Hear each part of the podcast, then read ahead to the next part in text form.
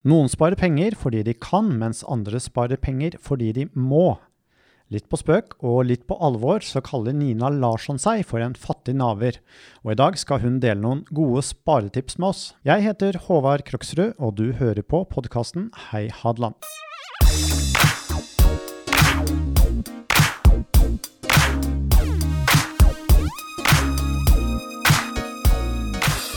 Nina, vi må hoppe litt tilbake til først. Eh, jeg vil jo si at du var jo en, det man kan kalle en aktiv dame eh, i den perioden. Du var leder for hjemmetjenesten, alenemor, du har sittet i kommunestyret, vært veldig aktiv på fritida. Men så skjedde det noe med kroppen, den sa stopp. Ja. Høsten 20, 2013 faktisk, så ble jeg veldig dårlig form og ble sengeliggende med ja, det var som å være på en båt i høy sjø 24-7, og det var jo litt slitsomt. Blei jo sjøsjuk, faktisk. Så jeg klarte ikke noe annet enn å sitte eller ligge. Jeg var jo på forskjellige typer utredninger, men de fant ikke ut hva det var som feilte meg, så de mente jeg bare var ja, sliten, utbrent. Uh, og etter hvert så kom jeg meg inn igjen, og jeg klarte å gå på jobb. Men uh, jeg følte meg ikke bra. Så holdt dette på faktisk fram til ja, 2016, som jeg klarte å være i jobb da, de tre årene. Men jeg bytta jobb i mellomtiden, fordi jeg trodde jeg kanskje ikke tålte den jobben jeg hadde. Du trodde at det var jobben som bidro til at du ble sliten og sjuk? Ja, jeg klarte jo ikke å forstå at det kunne være så mye annet. Det er klart Jeg kutta jo ut en del av de fritidsaktivitetene mine. Da. Jeg slutta jo med alt annet egentlig enn å klare å gå på jobb og klare å ta meg av sønnen min. Uh, men etter hvert så gikk jo ikke det heller, på en måte, så da tenkte jeg at det var jobben jeg måtte gjøre noe med. For jeg gjorde jo ikke noe god jobb heller, jeg var jo såpass dårlig form. Mm. Så tenkte jeg at da får jeg skifte jobb. Så fra å jobbe som leder i hjemmetjenesten, så begynte jeg å jobbe som leder for en korttidsenhet uh, på et omsorgssenter. Men uh, følte meg jo fortsatt ikke noe særlig i form. Så jeg holdt ut med det fram til uh, høsten 2016, hvor jeg da var så sjuk at jeg blei rett og slett stengeliggende. Stort sett, da. 20 timer i døgnet, vil jeg si. Men var det ingen som fant ut noe hva som feilte deg? Nei, de gjorde ikke det, altså. Nei. Jeg har vært på masse, hos masse spesialister. Ja. Og jeg har tatt haugevis av prøver, og jeg har vært på MR av hele kroppen.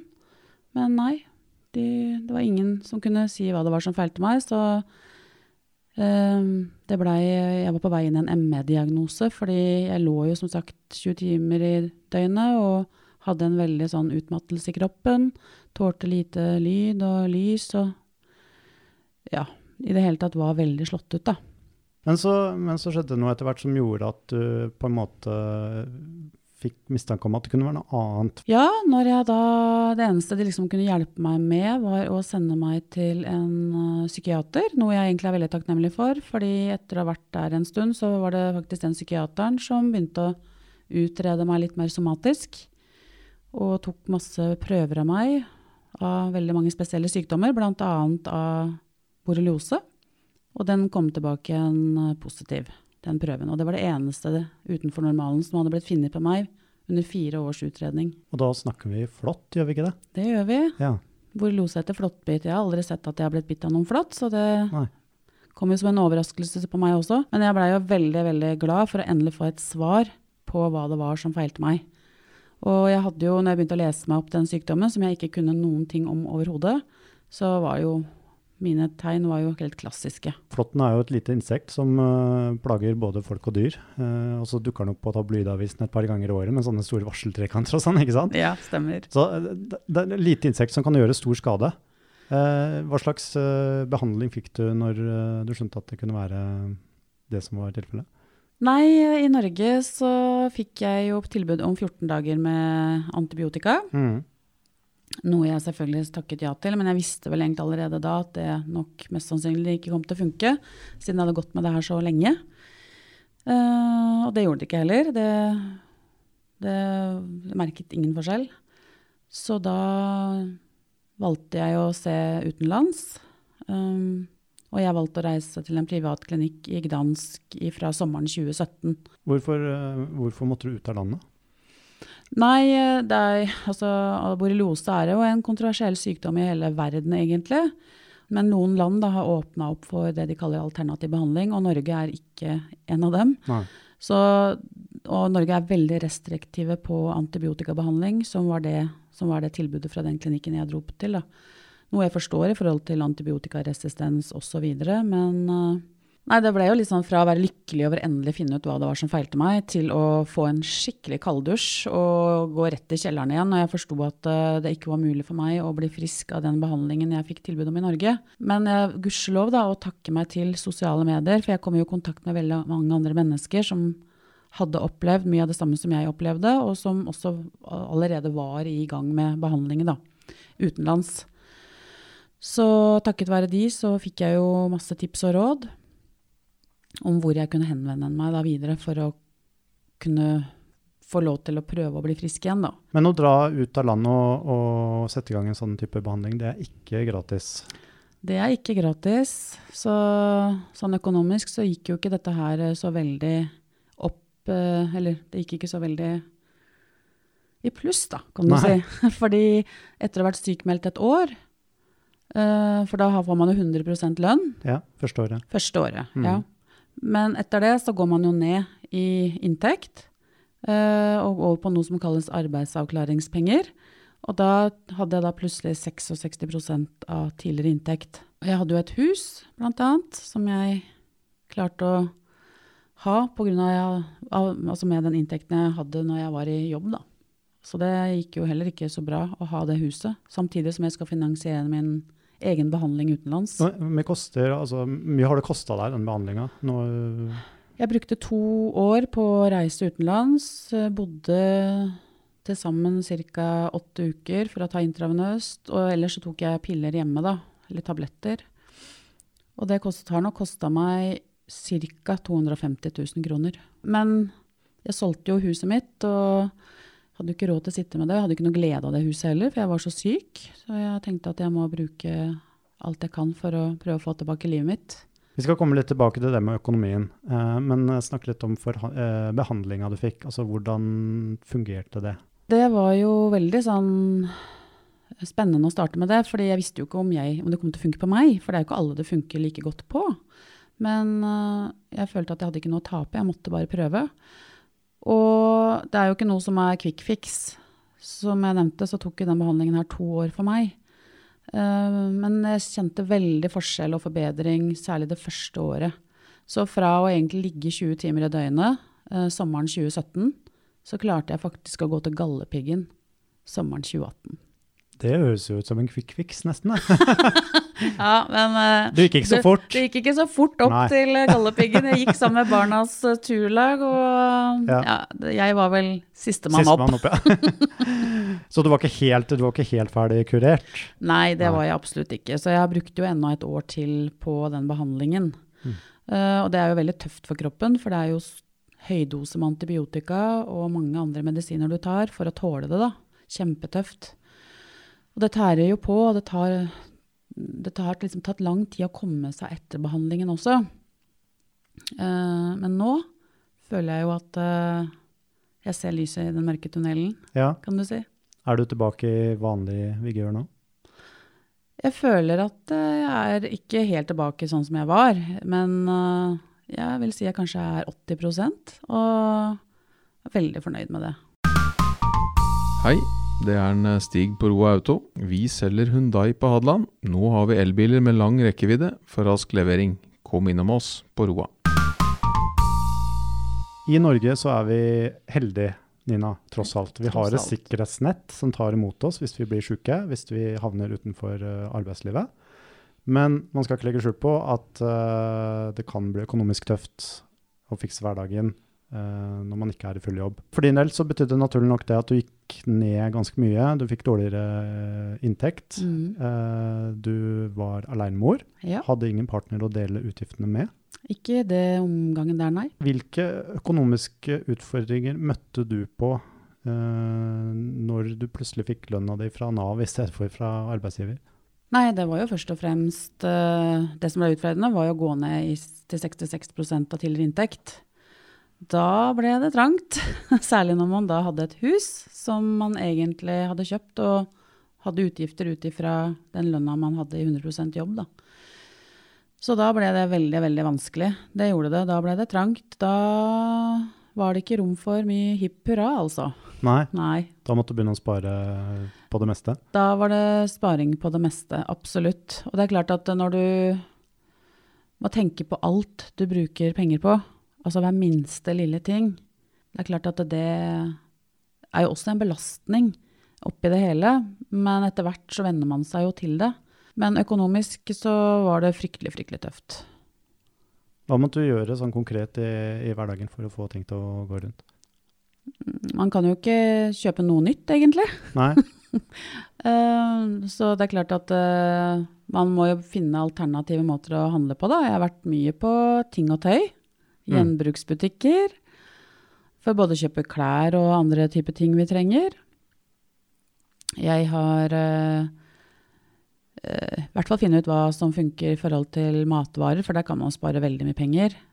Hvis man tenker gjennom hva man, bruk, hva man handler, da. mm. Ikke putter bare hva som helst oppi handlekurven. Og selvfølgelig er det veldig mange av disse billige matvareproduktene jeg heller handler enn f.eks. mer merkeprodukter. Da. Ja, og jeg kjøper jo aldri noe på full pris. Altså, øh, man må hele tida planlegge, da. Det er jo egentlig det det handler om. Mitt heiteste sparetips, Ja. det er planlegging. det er planlegging. Yep. Ok, på hvilken, på måte da? Hvorfor er det så viktig? Nei, men la oss si f.eks. nå, da. Mm. Så må jeg eh, klart, da må jeg begynne å tenke på vinteren allerede. Tenke, da kan du få tak i billig ullundertøy, øh, vinterklær, sko, sånne type ting. Mm.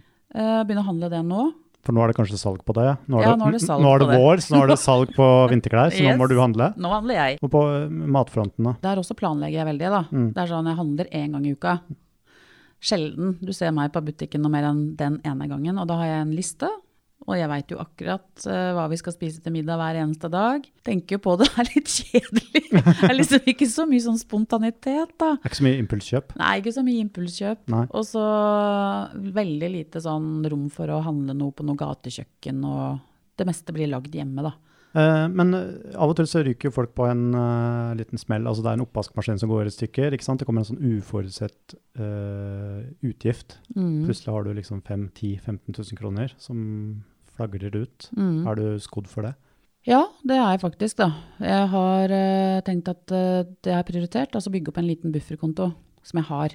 Men der igjen, altså ryker oppvaskmaskinen min, så stikker jeg og sjekker på kjøp-salgssider på Facebook eller Finn og kjøper en til 500-600 kroner. Det gjør jeg. Mm. Samme med kjøleskap. Du kan, vet du, du kan innrede hele huset ditt gratis bare ved å gidde å se deg om på finn.no. 20 minutter med surfing der i området her innover mot Oslo. Har du stor bil? Bare reis og hent. Folk gir bort så mye fint. Og i min, eh, mitt rekkehus Jeg kaller det bare finn.no, jeg, altså.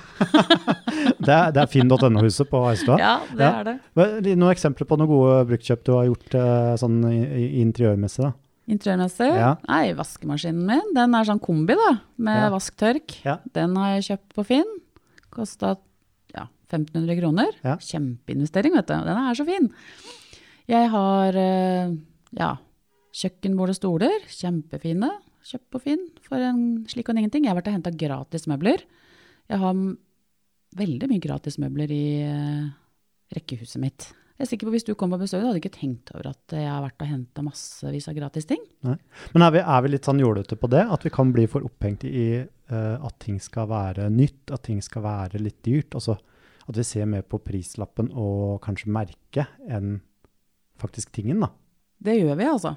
Jeg tror vi gjør det litt ubevisst òg. For eksempel, jeg hadde en kjæreste som så hadde jeg kjøpt meg en ny kjole som han syntes var skikkelig fin. Ja. Helt til jeg fortalte at jeg hadde kjøpt den på europris. ja.